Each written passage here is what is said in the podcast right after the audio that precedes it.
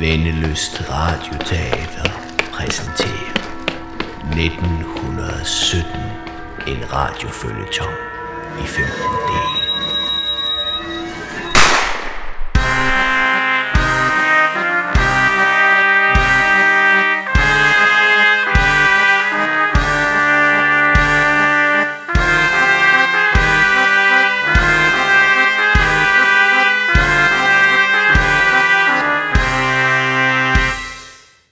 Femte del. Den gamle sanger. I den seneste tid har jeg opholdt mig i mediearkivet på det Kongelige Bibliotek i Aarhus, det der egentlig er statsbiblioteket, i bestræbelserne på at finde hoved og hale i en sær historie, som udspiller sig i Aarhus for 100 år siden. Jeg arbejder på en rekonstruktion i form af et radiodrama. Det er det drama, jeg langsomt vil rulle ud for jer nu. Jeg har fundet denne kuffert inderst inde i magasinerne. Kartoteksedlen siger, et stykke kuffert, oprindelse, Aarhus, årstal 1917, indhold, mystisk. Den synes at have tilhørt en mand ved navn Wagner. Kufferten indeholder blandt andet et større antal fonografiske valser, og i et hemmeligt rum ligger der en pistol og en enkelt kugle, hvorpå et navn er ridset, ulæseligt. Der er et guldnet fotografi af en grav på en kirkegård. Og så er der den her slitte bog, Blumes rejsefører. Der er en side, som er revet ud. Ellers virker den intakt.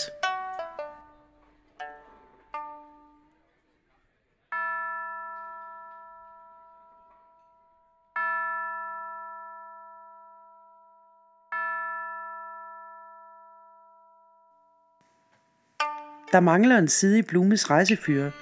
Den side, der kan redde Wagner ud af den øjensynligt noget livstruende knibe, han befinder sig i.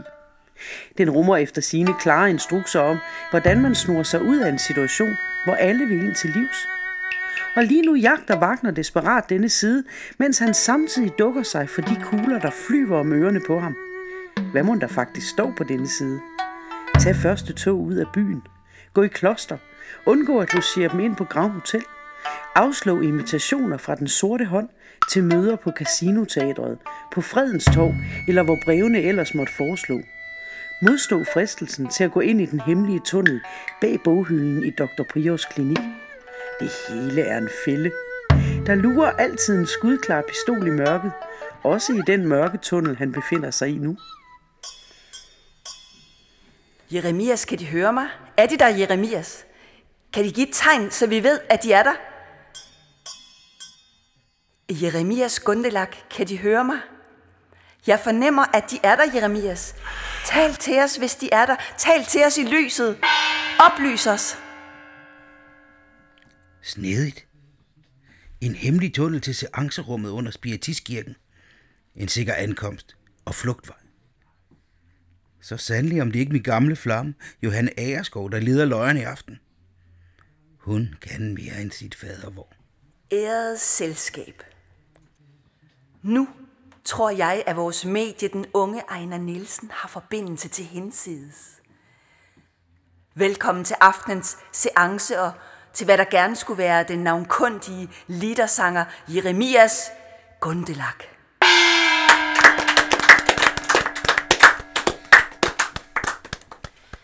Jeremias Gundelak har fremført sine vemodige sange i alle Europas storbyer, og han gav sin sidste koncert, inden han forlod denne verden i Sarajevo, hin skæbne svanger junidag. I 1914, da skuddet faldt.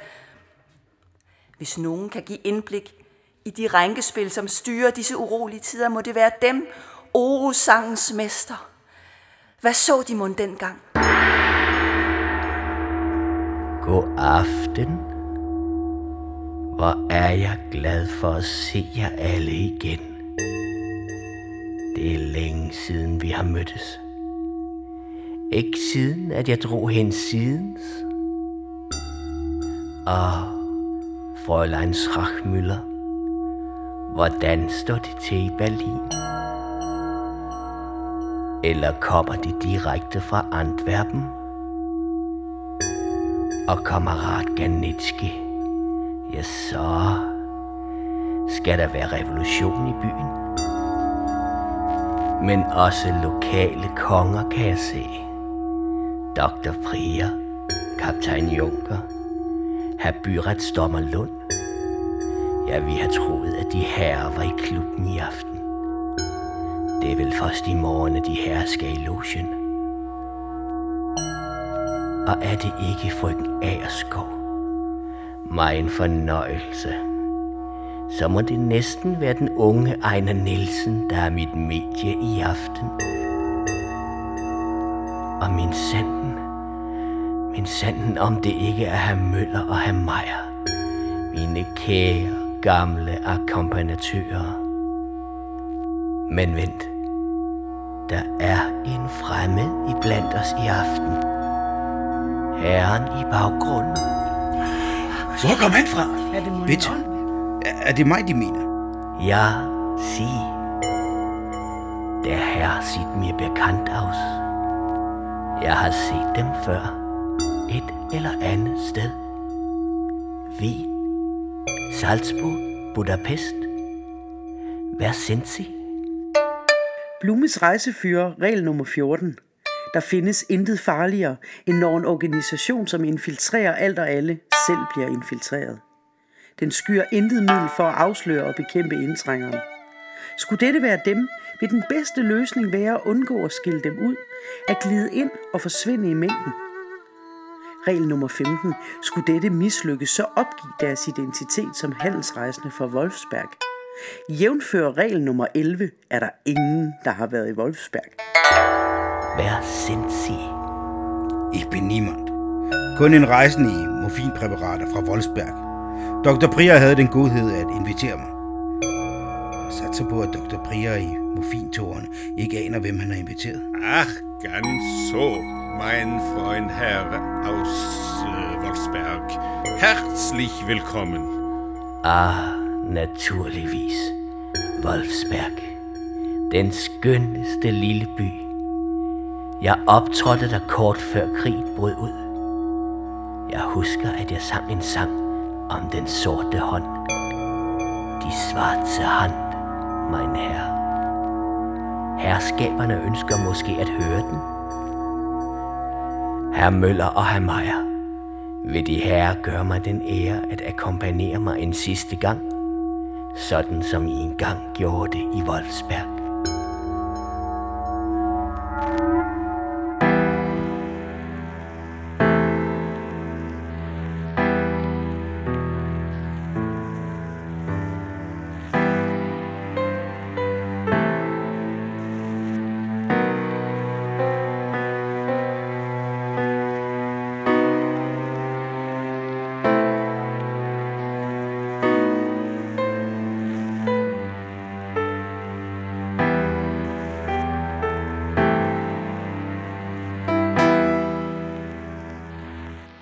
Die schwarze Hand kommt immer in der Nacht, wie dunkle Schatten aus dem tiefen, tiefen Wald. Es fiel ein Schuss, ein Schuss von irgendwo und jemand starb und fiel vor meine Füße. Hvad er forholdet mellem Wagner og den sorte hånd? Hvem infiltrerer hvem? Hvad er virkelighed og hvad er fantasi?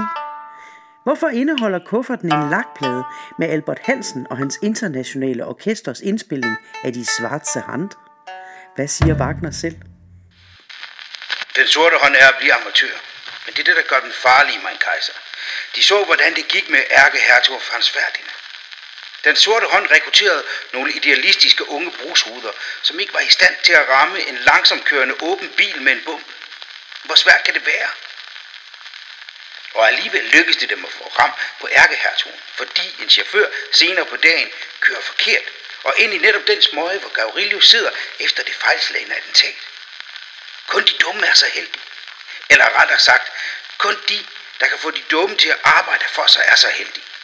Den sorte hånd er ikke nogen dygtig organisation, men den har de dumme på sin side. Stakkels Gavrilio, din godtroende knægt. Hvor lod du dig narre? Og nu sidder du så der og hoster blod i din fugtige celle. Syreniden slog dig ikke ihjel. Det gør din tuberkulose. Mens konger og kejserdømmer falder til skade for de fleste, men til gavn for de få. Og hvor er vi så hen med dette? Det virker som om, at jeg imod min vilje er blevet frivillig i en lang række bedagede vejer til nummer. Og de, der har sat det hele i scene, virker som amatører. Det bekymrer mig.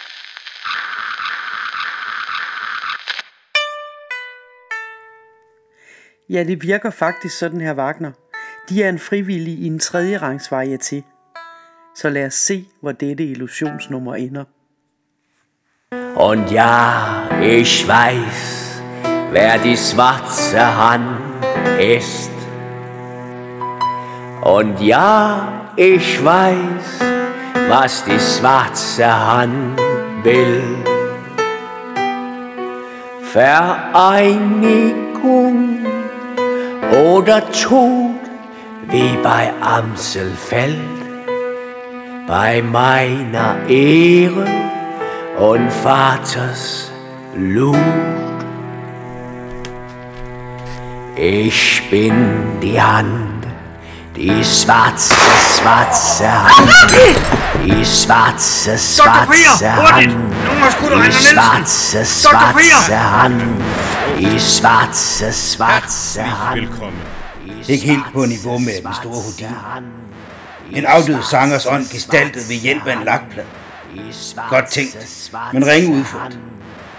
Det kunne ligne et arbejde af den sorte hånd. Maximilian? Maximilian Wagner. Johanne Agerskov. Maximilian. Jeg genkendte dem straks. De må være vanvittige at dukke op her.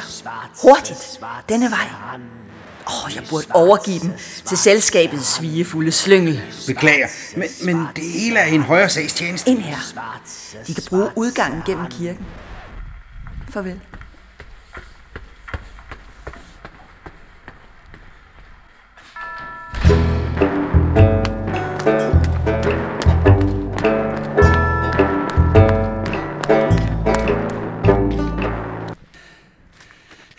Ah, min skulder.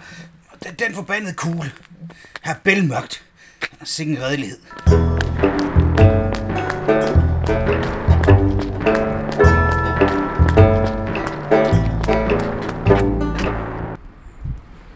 Er som om, jeg er midt i en af de her melodramatiske film, som den her by er så kendt for.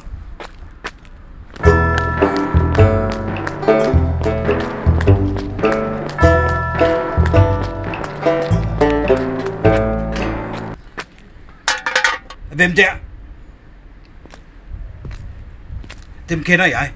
Jeg har lige set dem optræde. Jeg ser, at den gamle kugle plager dem. Jeg troede, de døde i trapetsen, her Del Bost. De ved, hvordan det er med kugler, herr Wagner. Hvis de ikke har ens navn på, er det ikke ens tur. Nej, den regel i Blumes rejsefører har jeg endnu ikke læst. Der mangler en side. Den side rummer ganske andre livsnødvendige regler. Men hvis jeg må uddybe det med kuglerne. En kugle i skulderen er kun en advarsel, mens en kugle i maven eller i nakken, som med det ulyksalige hertugpar, eller i panden, som med den unge Ejner Nielsen derinde. Se, det er en ganske anden sag. Jeg aner ikke, hvad de taler om. Hvis de går tilbage i kirken, så tror jeg, at de vil finde ham knap så død, som han foregav før. Måske, men det er uden betydning lige nu. Jeg er her for at hjælpe dem. Det siger de altså. De tror mig ikke. Ikke her. Ikke her. Og heller ikke her. Åh, spar mig dem, de der dilettanterier. Voila! Her. Er det morsomt? Endnu en kugle. Fra den sorte hånd formoder jeg. Den har i hvert fald deres navn på. Og den havde kurs mod deres højre tænding. Havde ikke jeg, den store Arthur Del Bost, grebet den i flugten. Det var morderligt pænt af den, her Del Bost. Men det var vel næppe for at være venlig, at de greb kuglen. Hvem arbejder de for nu? Lad mig blot sige, at der er andre end den sorte hånds håndlanger til stede i denne by i disse dage. Og at nogen af os lige nu har mere gavn af dem levende end død. Men gå nu, da de søger venter dem i passagevindstuen. Tak. Åh, vent. Jeg var lige ved at glemme det. Dr. Prier bad mig give disse morfindrupper til sin ven, den rejsende i morfinpræparater fra Voldsberg. Det må vist være dem. De skulle dulme smerter, og vist også samvittighed. Morfintropper. Det har jeg ikke tid til nu.